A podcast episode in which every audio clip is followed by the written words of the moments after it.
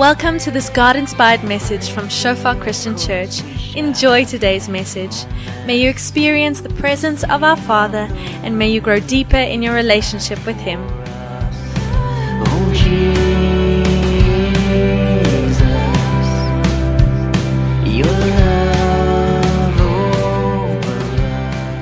Welkom almal hier vanoggend. Dis 'n regte voorreg om hier so te kan wees. Ehm um, soos wat dit wil begin warmer raak. Ehm um, en dit is vir my voorreg om vanoggend die woorde van God met julle te kan deel. Ons gaan aan met ons reeks in Kolossense. En ons titel vir vanoggend is soek en bedink die dinge wat daarbo is. Soek en bedink die dinge wat daarbo is. Dit ek lag eintlik bietjie vir die Afrikaans jy sê vir die dinge wat daarbo is. Hulle kon 'n bietjie meer spesifiek gewees het en ons uitgehelp het, nê. Nee. Ek meen hierdie is vrae vir baie keer vir misinterpretasie om mense se half op 'n dwaalspoor te lei. Want wat is hierdie dinge daarbo? En ons gaan vandag so 'n bietjie daarna kyk. Om net weer eens om baie vanaand te probeer recap um, ons vorige sewe preke hier gaan ek. As ons het gekyk in hoofstuk 1 dat die evangelie as ons dit werklik glo, werklik die werklike evangelie, dan produseer dit geloof, hoop en liefde, soos wat ons God leer ken. En Paulus se gebed vir die mense is dat ons volkome God se wil mag ken met alle geestelike wysheid en insig sodat ons 'n lewe kan lewe wat God tevrede stel. As ons God se wil ken, as ons weet wat sy wil is en gehoorsaamheid tot hom lewe, dan stel dit God tevrede. Dan groei ons in elke goeie werk en in die kennis van God. So hierdie ding is konstant besig om aan te gaan. Die oomblik as ons die evangelie glo, produseer dit geloof, hoop en liefde. Soos wat ons God in gehoorsaamheid volg, hou dit aan geloof, hoop en liefde produseer tot 'n groter mate elke keer. En soos wat ons volwasse word, kom vreugde ook by. Vreugde en blydskap, nie krities nie. So ons is nie 'n mens wat geken is deur vrees, deur angs, deur selfsug en deur bitterheid nie. Ons is geloof, hoop en liefde, vol van vreugde. Dis hoe iemand lyk wat die evangelie werklik verstaan. En die goeie nuus is, as ons angstig is, as ons vol vrees is, as ons selfsugtig is, as ons bitter en krities is, hoef ons nie te wag vir die wêreld om te verander nie. Want die probleem is binne in ons. Ons hoef net die evangelie aan te neem en Jesus as redder, dan kom die verandering. En dan verander dit ons en deur ons die wêreld om ons. Amen. En so het ons ook gekyk na wie Jesus is, die voorrang van die seun. Dit gee betekenis vir wie ons is en wat ons doen. Want alles is deur Jesus en vir Jesus gemaak en hy is die een wat ons met die Vader versoen het. En ook die wonderlike waarheid van Christus in ons. Ons verlossing is seker. Jesus het dit begin. Hy's nou besig om dit aan te gaan en hy gaan eendag terugkom om ons te kom haal. Seker ons verlossing. Meer seker as dit kry jy nie. Ons het ook gekyk na volwassenheid in Christendom, om vermaaning en teregwysing te ontvang in nederigheid. Dis hoe ons volwasse word want ons is babetjies as ons tot bekering kom. En ook soos wat ons groei, is ons veronderstel om dit te gee in liefde. Dis waar ons groei lê om dit te ontvang en om dit te gee, om 'n disipel te wees en disippels te maak. En dit is gekyk na die wonderlike werk van die evangelie. Dit is klaar. Jesus het alles volbring. Hy het ons lewendig gemaak. Hy het ons verlos van die bose magte en hy het ons met die Vader versoen. Daarom is dit nie nodig om alle valse leerstellings aan te neem nie. So hoef nie wetties te lewe en self te probeer om goed genoeg vir God te wees nie. Nee. Maar omdat Jesus ons kom red het, produseer dit daai lewe in ons. Ons hoef nie een of ander hoër kennis te soek nie. As dit kom by bose magte, as dit kom by verlossing, as dit kom by hoe ons moet lewe, nee, Christus is als. Gaan oor Jesus Christus en wat hy vir ons kom doen het. Daarom kan ons lewe soos God van ons verwag. En in lig van dit gaan ons nou sien hoe dit 'n bietjie meer prakties raak. Hier van hoofstuk 3 af. Hoe lyk hierdie geloof, hoop en liefde in die Christelike lewe? Hoekom verander dit ons lewe? Hoe verander dit ons lewe? En hoe lyk dit dan hierdie geloof, hoop en liefde in die kerk? By ons huis, by die werk en in die wêreld. Maar voordat ek inspring, kom ek bid vir ons en dan spring ons vir oggend se stuk in. Ja Here, dankie vir u goedheid. Dankie vir u getrouheid, Here. Dankie dat u hier is vanoggend, Vader. Kom bid vir elke angstige hart, Here, elke gedagte, Vader, wat besig is, Vader, en elke nou en dan hier aan duisend verskillende goed dink. Ek kom vra Here deur genade, Here, om vir ons die vermoë te gee vanoggend om te kan stil raak voor u om te kan inneem, Here.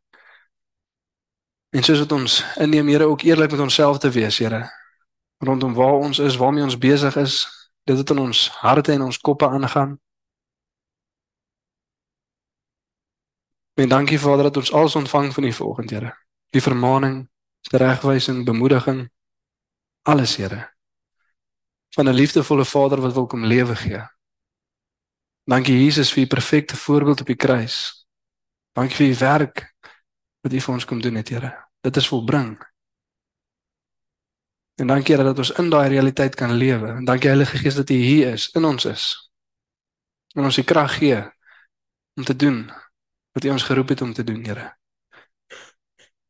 Nou Here, ons kom sê vanoggend vir u dankie Here dat u volle toewyding waardig is, Here. Dat u volle toewyding vereis. Maar dat u ook volle toewyding bemagtig. Sê vir dankie vir dit vanoggend, Here in Jesus naam. Amen. Soek en bedink die dinge wat daar bo is. Kolossense 3 vers 1 tot 11. Kom ons lees saam en kyk wat ons kan leer vanoggend. As julle dan saam met Christus opgewek is, soek die dinge daarbo waar Christus is en aan die regterhand van God sit. Bedink die dinge wat daarbo is, nie wat op aarde is nie, want julle het gesterwe en julle lewe is saam met Christus verborge in God. Wanneer Christus wat ons lewe is, geopenbaar word, dan sal julle ook saam met hom in heerlikheid geopenbaar word.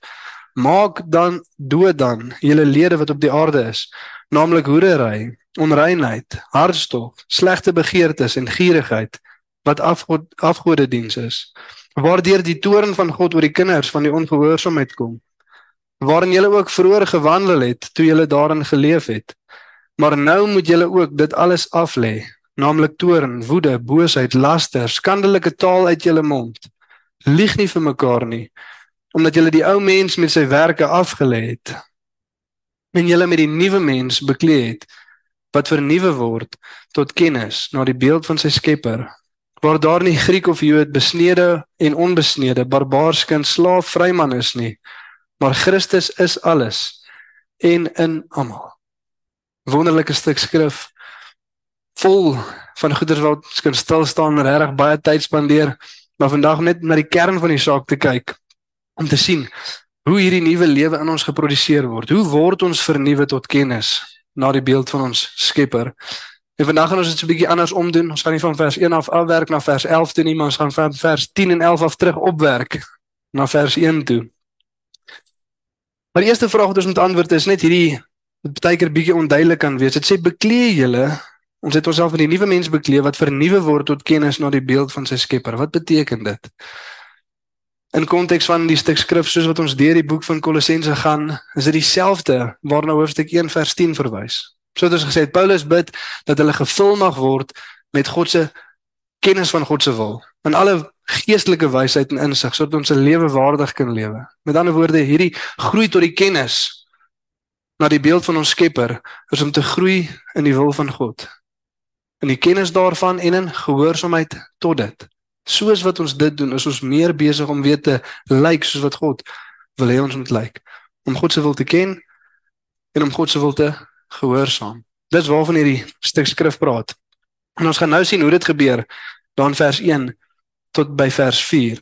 En nou voordat ons in hierdie ding inspring, wil ek net hê ons moet oplet na so half twee realiteite as mens dit so kan noem twee goed wat besig is om te gebeur. Paulus skryf in hierdie stuk, dan praat hy op 'n sekere manier van die verlede tyd, past tense.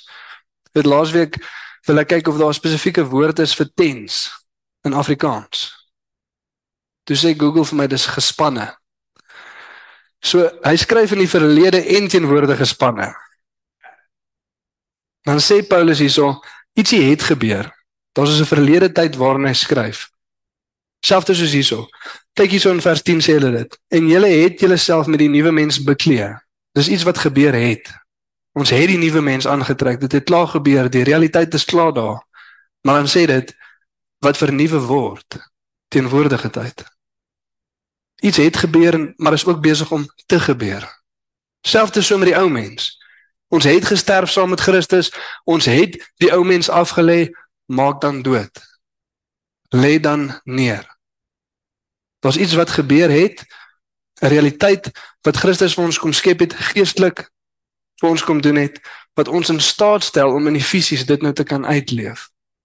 Met ander woorde, dis soos om te sê wat hoofstuk 2 so mooi gesê het, soos wat ons dan Christus ontvang het, wandel so in hom. Omdat Jesus iets vir ons kom doen het, leef dit nou uit. oor die realiteit van wie Jesus is en wat hy vir ons kom doen het, lewe nou soos mense wat dit glo. Sê jy met my? Dis moontlik gemaak. Weerens wat ons gesê het, as dit kom by heiligmaking, dan werk God en mens saam. Ons sit nie passief nie. Daar's geen storie in die Bybel van een of ander mens wat gekry was iewers lê en hy was ingedra in die hemel in nie. Nee, daar was 'n verlamde man, hy was na Jesus toe gedra, maar die oomblik toe hy Jesus ontmoet, toe begin hy self loop. Amen. Want God stel ons in staat om hom te kan volg. Dis wat Jesus vir ons gedoen het. Hy het ons lewendig gemaak. Hy het die geestelike magte geontwapen. Hy het ons met die Vader versoen. Ons moet nou daai realiteit uitleef. Eers was dit nie so nie. Eers was ons dood. Ons het nie die vermoë gehad om anders te kon leef nie. Ons was dood in sonde. Ons was beheer deur die duiwel. Ons was in die koninkryk van ongeregtigheid. En ons was in vyandskap teenoor God. Bestem vir God se straf. Maar nou het Jesus gekom en in die realiteit van die evangelie kan ons wees en kan ons doen wat God ons geroep het om te doen. En so wat ek sê, hier kry geloof, hoop en liefde 'n klein bietjie meer definisie. En weer eens soos wat ons in hierdie stuk skrif sien en ietsie wat ons moet oplet en weer eens vir ons self moet die vraag vra. Is dat hierdie stuk skrif praat weer eens van 'n realiteit wat onmiddellik gebeur, maar iets wat ook toenemend gebeur. Is dit waar van ons lewens? Was daar op 'n kol iets wat verander het? Tot op 'n groot mate nie volnedig nie, nie perfek nie. Maar verandering het plaasgevind, soos wat ons gekonfronteer was met die waarheid van God se woord. Soos dat ons iets beleef het van wie Jesus is, het daar verandering gekom en is dit besig om aanhoudend toe te neem. Groei ons in geloof, hoop en liefde. Want die skrif sê dit word vernuwe, dit bly konstant toeneem. En daar's 'n verandering wat gebeur met ons vroeër wyse van lewe was anders geweest. Dit het nie belyn met die evangelie nie. En ons sien dit hier in vers 7 tot 9. Dan sê dit waarin julle ook vroeër gewandel het, toe julle daarin geleef het. Maar nou moet julle dit alles aflê, naamlik toorn, woede, boosheid, laster, skandelike taal uit julle mond. Lieg nie vir mekaar nie, omdat julle die ou mens met sy werke afgelê het. Weereens daai twee realiteite. Ons het die ou mens afgelê. Lê dit dan alles af. Omdat ons dit afgelê het, lê dit dan nou af. Hierdie twee realiteite wat besig is om plaas te vind. En net vanaand om net vir 'n rukkie stil te staan op 'n paar van hierdie woorde want baie keer mislei ons onsself so bietjie. Kyk hierdie twee hierdie skrif praat van so 'n half twee realiteite. Die eerste lysie wat Paulus genoem het was 'n party van ons 'n bietjie erger as hierdie tweede tweede ene. Val hierso in die 53 vertaling, kyk dit hou nie terug nie. Hy sê hom soos dit is. Dan hier kom nou 'n ander lys en baie keer dan dink ons dis ons sê mos baie keer die woord menslik. Ja, hierdie goed is baie keer in my lewe, baie keer is dalk baie in my lewe, maar is menslik. En so wat ons gesê het, wat is menslik?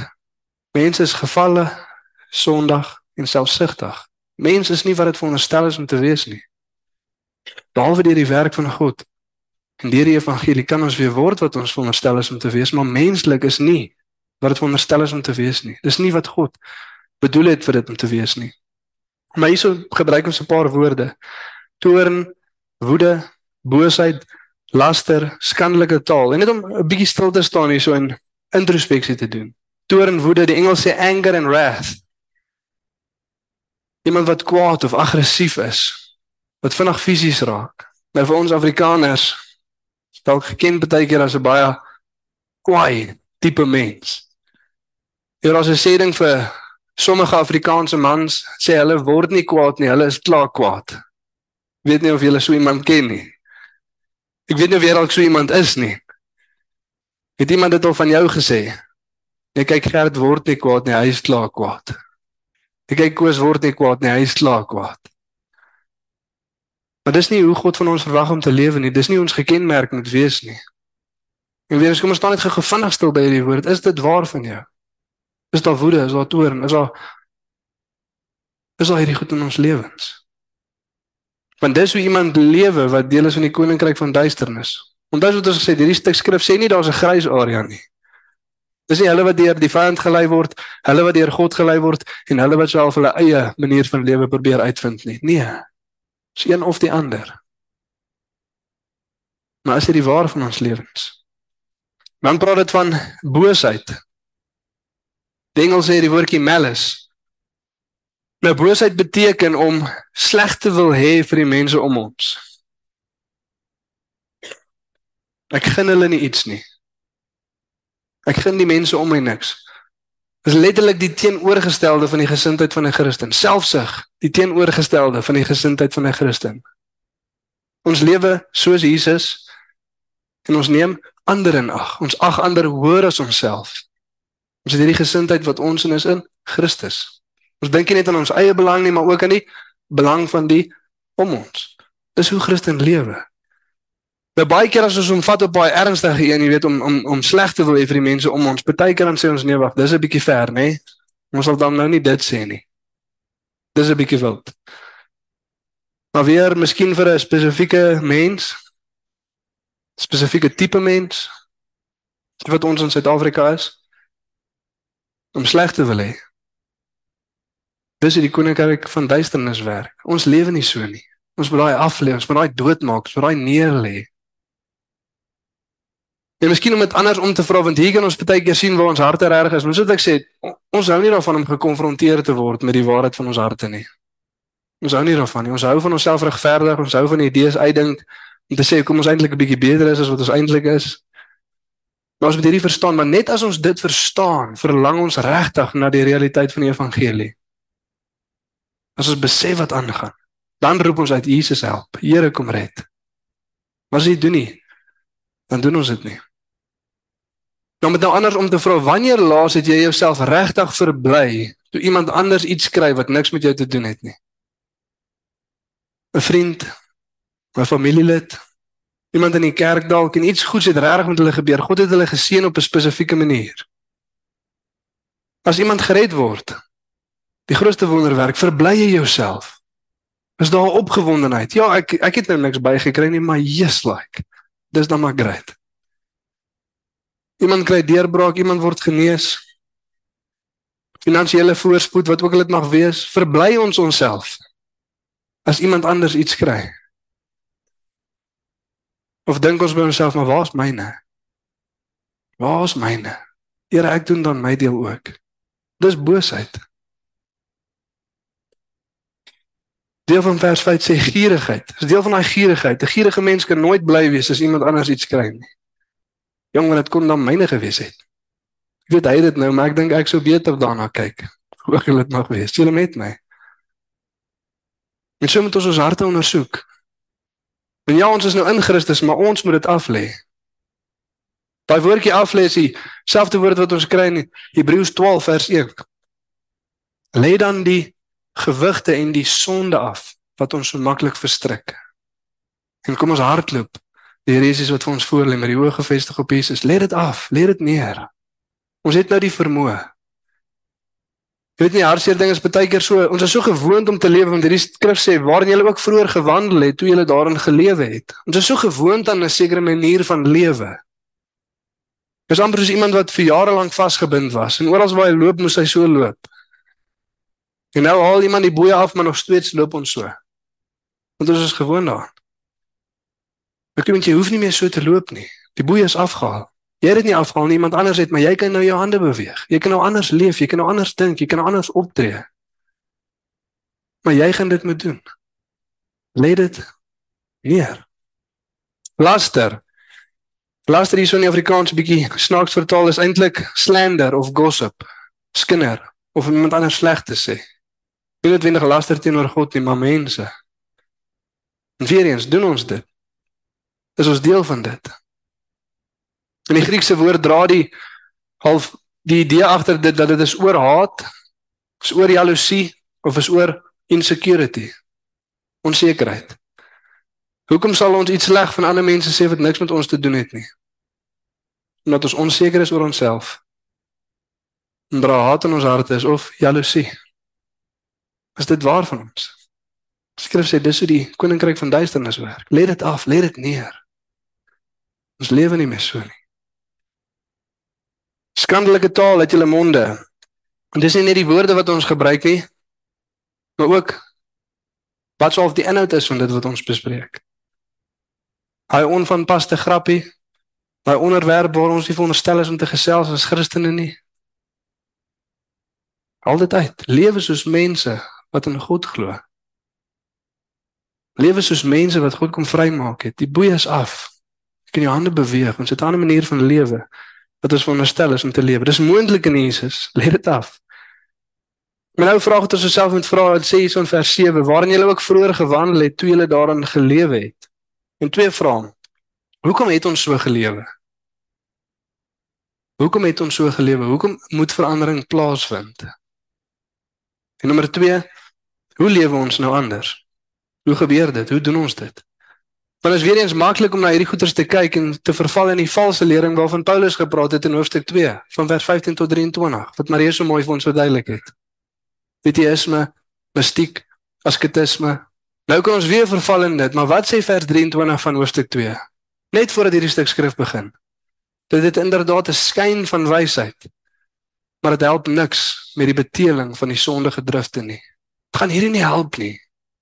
Dit help nie word wetties nie, dit help nie soek een of ander hoër kennis nie. Dit help nie jy straf jou lyf as jy goed doen wat sleg is nie. Dis van geen waarde tot die beteeling van die sondige drifte nie. Dit help nie. Dis iets van die evangelie wat ons hierso moet verstaan. Want hoeveel van ons het al gesukkel met iets of is besig om te sukkel met iets? En dan as ons osself weer kry en sê ons, "Oké, okay, wag, die keer. Hier sit ek my voet neer. Nou gaan ek hard probeer. Die keer gaan ek dit weer doen nie." Dis beteesme is om wetties te wees. Nêrens is daar 'n benadering tot God, nêrens is daar 'n breek in gebed, nêrens is daar Here kom wys my waar dit vandaan kom sodat ons dit kan uithaal en kan vervang met dit wat goed is nie. Net nee, die keer gaan ek hard probeer om dit nie te doen nie. Of party van ons op soek na een of ander hoër kennis. So wat ek laas keer gesê het, nou het ons alle rande idees as dit kom by berading en bevryding. En weer eens, moet nou nie verkeerd verstaan nie. Ek sê nie berading en bevryding is verkeerd nie. Dis goed en is gesond en nie Gemeenskap is daar om ons te leer. Maar lyn met God se woord. Dat dit gaan oor die evangelie, dat dit gaan oor die werke van Jesus. Dis waar dit moet gaan. Of as dit kom by bevryding, nou moet ons sout strooi en olies meng en sekere woorde sê en hier staan en so bid. Nee. Dit help nie. sien ons ons doen weer wat ons net voorheen gedoen het. Dit gaan oor wie Jesus is. En die rede hoekom ons so gelewe het, sien ons hier so in vers 5 en 'n belangrike ding wat ons vanoggend moet begryp en moet verstaan. Dit sê maak dood dan. Dan word in lig van vers 1 en 4. Maak dan dood in lig van dit en ons gaan nou daarna kyk. Julle lede wat op die aarde is, naamlik hoerery, onreinheid, hartstog, slegte begeertes en gierigheid wat afgode diens is. Waardeur dit die toon van God oor die kinders van die ongehoorsaamheid kom. Nou daai laaste stukkie wat afgode diens is. Dis hier waar ons ietsie moet besef. Hoekom het ons verkeerd gelewe? Want ons het verkeerd begeer en verkeerd aanbid. Iets anders was God. En daarom het dit ons lewens gevorm. Net soos wat die evangelie onvermydelik ons lewe gaan vorm, so gaan enigiets anders wat ons aanbid ook ons lewens vorm. Dis nie die vraag is nie om gevorm te word of nie, dis deur wie, deur wat. Maar ons lewe gaan gevorm word deur dit wat ons begeer. Deur dit wat ons aanbid. Hier is baie dieselfde as ons spreek wat ons nou die dag gehad het oor selfbeheersing. Selfbeheersing is nie wilskrag nie. Dit het te doen met die hart. Hoekom doen ons slegte goed? Jy weet baie keer ons is so hoekom doen ek dit alweer? Want ek wil. Dis hoekom. Ek doen wat ek wil doen. Dis ons lewe. En die evangelie kom en verander nie net dit wat ons veronderstel is om te doen nie. Dis nie 'n lysie wat vir ons gegee was en sê okay, hier's nou die nuwe reëls, volg dit nou nie. Nee. Maar dit gee vir ons 'n nuwe hart, nuwe begeertes. En nuwe kennis en daarom leef ons anders. Die boodskap van die evangelie is nie probeer nou hard om te doen wat jy nie eintlik wil nie. Nee, dis sien die waarheid van wie Jesus is. sien die waarheid, die waarheid van wat Jesus vir ons gedoen het en laat toe dat dit jou hart kom vorm sodat ons anders kan begeer, anders kan dink en daarvoor anders optree. Maar ons lewe gaan gevorm word deur die goed wat ons begeer. Sodat ek besig is met die preek, dink ek aan 'n ou liedjie van 'n Suid-Afrikaanse band Zinkplaat. Ek weet nie of ken julle se Zinkplaat nie. Ek weet nie of dit 'n Christelike band nie. Maar net skud ek op sy sê dit is nie. So dit gewoonlik op skool geluister, laat ek net sê ek doen nie meer nie, hoor. Maar as een van hulle liedjies wat praat van 'n spesifieke persoon en sê dit en hy was 'n disipel van plesier. 'n Disipel van plesier. En dan sê die liedjie en wat is jy dan as jy later huis toe gaan? Is ons nie maar almal disipels van plesier nie? Ek meen in ons generasie en ons tyd op te som is dit nogal dit. Disipels van plesier. Wat ook al vir my plesier of genot gaan verskaf, dit gaan ek doen, dit gaan ek najag. Dit is 'n lig van dit wat John Piper die boek skryf Desiring God. Hy praat van Christian hedonism. Hedonism is om plesier te soek. En dan sê hy die die antwoord is nie om nie plesier te soek nie, maar om dit te soek in die regte plek. Want God het ons so gemaak, maar om bevredig te word in hom. Dis wat ons veronderstel is om te doen. Christian hedonism. Om plesier te ondervind in God. Hoekom? Want wat die wêreld vir ons verkoop is 'n leuen. Ek was self daar en in hardloop ons agter al die plesier en maar dan los dit my meer honger as wat ek was voor die tyd, meer dors as wat ek was voor die tyd. En dit maak my nie tevrede nie, inteendeel. Ek's meer leeg. Stel met my. Maar dis hoekom? Dis afgodediens. Die Engels sê sexual immorality, impurity, lustful passions, evil desires and covetousness. En weer eens om hier stil te staan, is dit daar. Hoor hy praat van enigiets van saam bly voor die huwelik tot slaap saam prostituie. Als in daai lysie. En die rede hoekom ons so lewe is want iets anders is God, nie Jesus nie. En baie mense se verhoudings lyk nie soos wat God wil hê dit moet lyk nie, maar ons wil dit nie verander nie. Hoekom? Want die persoon is waar God moet wees. Nou nou gaan die persoon weg. Nou nou bly die persoon nie meer nie. En hulle is eintlik als Skrif sê Jesus wat ons lewe is, maar nou sien ek wat werklik my lewe is. Gierigheid. Weet jy wat 'n halfe goeie ander woord vir gierigheid wat ons deesdae aangeleer het? Goeie rentmeesterskap. Ons wil net kyk vir ons kinders en die duisende geslagte wat na hulle kom. Dis hoekom ek gierig is. Sê hulle met my. Ons kan baie maklik onsself regverdig rondom hoekom ons gierig is. En die skrif sê besop want ons sê dalk neer is vir ons kinders om 'n toekoms te kry vir ons kinders. Dis hoekom ek werk, werk, werk en geld, geld, geld soek. Dis hoekom ek nooit by die dinge van God uitkom nie want ek wil net sorg vir my familie. En God sê dit gaan dood in jou en in jou kinders produseer. Dis nie goed nie. Maak dit dood. Dis nie goed vir jou nie, dis nie goed vir jou kinders nie. Eksodus 20 van vers 4 af 10 gebooie. Dan sê die Here wat? Van vers 3 af. Jy mag naasens my geen ander god hê nie. Moenie vir jou beeld maak wat in die hemel is of op die aarde is of onder die see onder die aarde is nie. Moet dit nie aanbid nie. Moenie jouself aan dit toewy nie, want ek, die Here, vereis onverdeelde toewyding. En dan sê God dit nie net omdat hy alleen aanbidding waardig is nie, maar enigiets anders wat ons aanbid, gaan iets in ons produseer wat dood gaan bring vir ons en die mense om ons. Dis nie goed nie. Of ons gaan vernuwe word tot die beeld van ons skepping soos wat ons hom aanbid of ons gaan vervalle word soos die skepping soos wat ons dit aanbid. Maar dis die opsie. Moenie iets anders aanbid nie. En ons gaan nou in 'n rukkie bietjie kyk nou hoe ons introspeksie kan doen om te sien wat daai goed is. Wat gee vir ons 'n indikasie as ons iets aanbid wat nie God is nie? Maar John Owen in die 1600s bekende teoloog het gesê maak die sonde dood of dit gaan jou doodmaak. Maak die sonde dood of dit gaan jou doodmaak. En weer eens die skrif gebruik sterk woorde hierso. Aksies van ons kant af wat nodig is, maak dit dood. Kom ek vra van ons die vraag, is ons besig om die sonde dood te maak? Is ons besig wat wêrelds in ons is dood te maak? Hoe maak ons dit dood? Is ons aktief besig? So dan het gesê, hoe maak ons onsself heilig? Ons en God werk saam. Selfs soos Filippense 2 vers 12, bekende stuk skrif, waar Paulus skryf, toe ek by julle was, was julle gehoorsaam, nou dat ek nie by julle is nie, wees ook gehoorsaam. Werk julle eie saligheid uit in vrees en bewe. Maar daai versie begin met 'n daarom en dit eindig met 'n want. Daarom was wat? Die werk van Jesus Christus op die kruis. Daarom werk jou eie saligheid uit met vrees en bewering, want God is besig om in jou te werk vir sy goeie welbehae.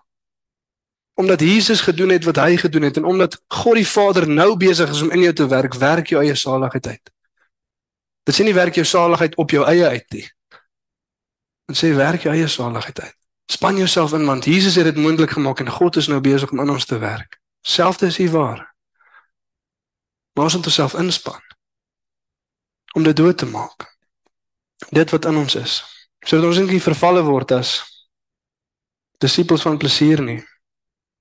So hoe doen ons dit?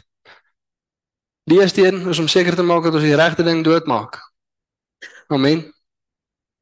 En dit is om introspeksie te doen en te kyk in ons hart in. Hoekom doen ek wat ek doen? Hoekom begeer ek wat ek begeer? Hoekom sukkel ek konstant met daai selfde ding? Grawe 'n bietjie dieper. Gaan raak stil voor die Here. Vra hom waar kom dit vandaan? Ons sien baie van ons het eksterne goed wat ons doen. Miskien is dit alkohol, miskien is dit pornografie, wat ook al dit mag wees. Maar elke nou en dan dan kry jy jouself besig met hierdie goed. En jy weet self nie hoekom nie. Hoekom doen ek dit? Wat maak ek? Wat gebeur? Jy try self uitfigure. Maar dan gaan sit jy stil. En as sien as dit goed gaan, miskien finansiëel met julle as gesin, dit gaan goed, eers dan doen ek goed. Alkohol is nie 'n probleem nie, pornografie is nie 'n probleem nie, al daai goeders eenkant. Maar nou ewe skielik raak ietsie onstabiel. En 'n krisis kom in en die finansies lyk nie meer goed en dan kry ek myself weer besig met al hierdie goedjies. Dis daaraan waar jy moet werk. Dis die probleem. Dis net wat jy doen nie, maar ook hoekom jy dit doen. Om te gaan introspeksie doen en te gaan stil sit by die Here. Nou as dit goed gebeur, hoe het ek gevoel? Wat wat het ek gevoel die oomblik toe ek dit wil doen? Toe ek dit dink, wat gaan aan? Waar kom dit vandaan? Maar sodat die Here kan kom en kan kom red. Nommer 2 vervang dit met Jesus wat ons lewe is. Sodat ons sê ons kan nie net ophou nie, selfs in my preek van selfbeheersing. Die hart wil iets hê om te aanbid. Dit gaan iets aanbid, dit gaan iets volg, dit gaan iets begeer en dit gaan ons vorm. So ons kan nie ophou iets begeer nie, maar om die regte ding te begeer. Daar's die antwoord. En dit sê vir ons hierso in vers 3 en 4 presies dit. Want jy het gesterwe en jou lewe is saam met Christus verborge in God. Wanneer Christus wat ons lewe is geopenbaar word, dan sal jy ook saam met hom in heerlikheid geopenbaar word. Weer vers 3, wat beteken dit dat ons lewe saam met Christus verborge is in God? Weerens, hoe seker ons verlossing? Niemand kan iets aan doen nie, niemand kan dit vat nie, niemand kan dit steel nie. Ons lewe saam Jesus. Teen wie in my glo werklik sê ek vir hy sal nooit doodgaan nie. Ja, liggaamlik, maar geestelik nooit. Niemand kan dit vat van ons nie. Hebreërs 10 van vers 12 af. Dan sê dit nadat hy een sondeoffer gemaak het, het hy gaan sit aan die regterhand van God. Praat van 'n volmaakte werk. Jesus sit aan die regterhand van die Vader. Dis klaar, dis volbring, dis voltooi. Ons verlossing is seker. Vers 13 en nou wag hy totdat sy vyande 'n voetstoel gemaak word vir sy voete. Vers 14 want deur een offer het hy vir altyd die volmaak wat besig is om heilig te word. Is dit nie mooi nie? Dis volbring, dis klaar. Hoe seker ons verlossing en om dit te besef. En weer eens wanneer Christus wat ons lewe is, hy is lewe. Daar is nie lewe in enigiets anders nie. Hier's lewe. Enigiets anders lei na die dood. En om dit te besef en om Jesus homself te soek en in daai oorvloed te lewe. Ek het gekom sodat hulle lewe en lewe in oorvloed kan hê. Om dit te besef. Jy sien enigiets anders wat ons aanbid, gaan ons lewe vorm ja, maar die oomblik as ons misluk of die oomblik as ons dit misluk of hulle misluk, dan moet ons sterf. As ons God aanbid en ons misluk hom en ons gaan, dan is hy die een wat vir ons gesterf het. Dan hoef ons nie van voor af te begin en weer 'n kredietrekord op te bou en weer te wys dat ons goed genoeg is nie. Nee. Ons is in Christus en waar is hy? In die regterhand van die Vader. Wat beteken dit? Die plek van eer. Die plek van autoriteit die plek van vriendskap, die plek van verhouding. Jesus langs die Vader, ons in Jesus. Wanneer hy na ons kyk, dan sien hy Jesus. Besef ons dit. En om dit te besef en lewe in hom te kry, Dan val die ander begeertes van ons harte weg. En dan kan ons weer lewe soos ons veronderstel is om te lewe. Maar hoe lyk dit? Hoe gebeur dit? Want ons weet ons moet God dien. Ons weet die skrif sê Jesus is ons lewe, maar baie keer is dit asof dit werk nie lekker nie. Die choke werk nie, hè? Party van ons. Sit die choke aan, maar die Jenny wil nie start nie. Ons weet ons moet, maar ons kry onsself keer op keer verlang na die verkeerde goed. En as ek stil raak, is God nie die een waarna ek dink nie, maar ek dink aan allerlei ander goeters. My gedagtes is min vol van die dinge van God. Hoe verander ons dit? In vers 1 en vers 2. As julle dan saam met Christus opgewek is, soek die dinge daarbo waar Christus is en aan die regterhand van God sit. Bedink die dinge wat daarbo is, nie wat op die aarde is nie. En voordat ons kyk na die mooi deel van hierdie stuk skrif is ook 'n ding wat ons hierso moet leer wat ons help met introspeksie. En dit is wat? Net ons gesê ons moet introspeksie doen om te kyk aanbid ons iets wat nie God is nie. Begeer ons dit wat ons nie veronderstel is om te begeer nie. Hoe weet ek wat ek werklik begeer? Hoe hoe weet ek wat ek werklik aanbid? Die dinge wat ek soek en die dinge wat ek bedink. Gaan vir my indikasie gee van dit wat ek begeer en dit wat ek aanbid. Dit waarin ek vertrou. As ek konstant soek en bedink finansies, dan vertrou ek op finansies. Skrif sê moenie jou hoop sit op die onsekerheid van rykdom nie. Dis 'n dom besluit. Dit gaan nie goed uitdra nie. Dis onseker. Sit dit in Jesus. Want dis meer seker. En nou is die vraag waaraan dink ons?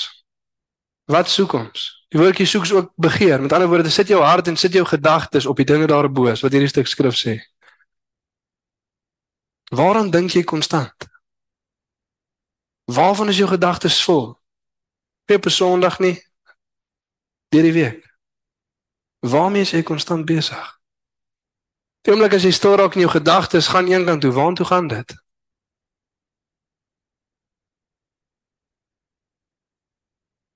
Nou, game wat ons baie keer by selfgroep speel Turkish Eagles, waar een quote wat sê, "Show me where you spend your time and your finances and I will tell you who you worship." So eenvoudig soos dit. Wys my wat soek jy? Wys my wat bedink jy? Nou ek vertel vir jou wie jy dien. Dis ons introspeksie doen. En weer eens baie keer is ons gaan stil sit en ons wil stil raak vir die Here. Party van ons dis onmoontlik. Ek weet nie wie al geprobeer het vir 2 minute stil sit nie.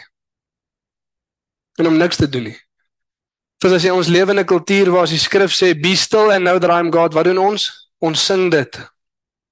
Ons sing be still. Hy sê nee, wees stil. Moenie dit sing nie.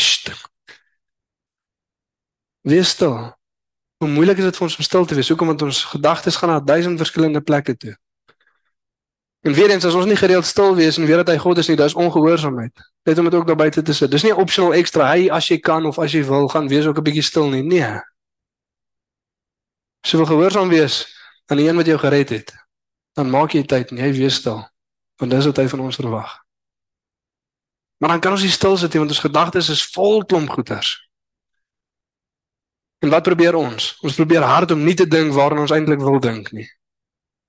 Weet jy is maar valse leerstellings, nie dit werk nie. In plaas van om nie te dink aan dit waaraan ons eintlik wil dink nie, wees gekonfronteer met dit wat konstant in jou gedagtes is en sit en sê daar vir die Here, Here, ek kan nie stil wees nie want hierdie ding vat oor. Ek besef dit. En in plaas van om te maak dat dit nie daar is nie, vra ek vir Here, hoekom?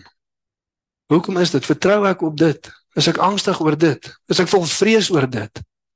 Maar kom help my, Here. En dan bid jy daardeur en dan soos die volgende gedagte opkom, dan bid jy daardeur en soos die volgende opgedagte dan bid jy daardeur. En hopelik oor 3 maande kan ons stil sit. Amen. Wat is dit wonderstel om te wees? Gaan doen die introspeksie, laat ons harte geopenbaar word en laat ons dit doen.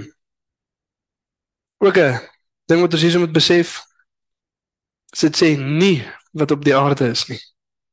Met ander woorde dis 'n of.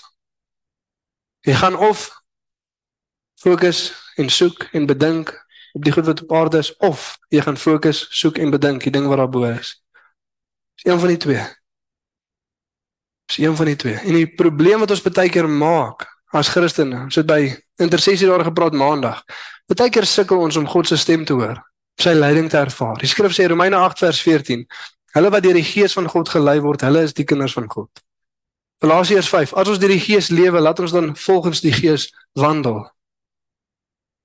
En as ons volgens die Gees wandel, laat ons in tree bly met die Gees. Die Gees lei ons, maar ons sukkel om dit te ervaar. Hoekom? Want ons dink dis iets wat ons kan aan en afsit. Ons wil deur die week en baie kere die dinge van die wêreld bedink en die dinge van die wêreld soek. En dan vinnig, as die Here gou-gou moet kom help of as ek gou-gou leiding wil hê, dan klik wil ek 'n switch flip en sê ek Here, nou soek ek die dinge wat daar bo is kom lei my gou. Nee, dit werk nie.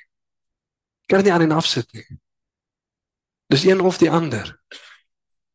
En weer eens dit beteken nie as ons nou die hele tyd die dinge daarbo bedink dat ons absoluut useless is met die dinge hieronder nie. Inteendeel.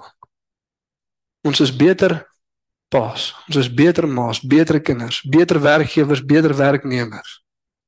Beter buurman of buurvrou vir die mense om ons. En dit gaan ons sien in die hoofstukke soos wat dit aangaan.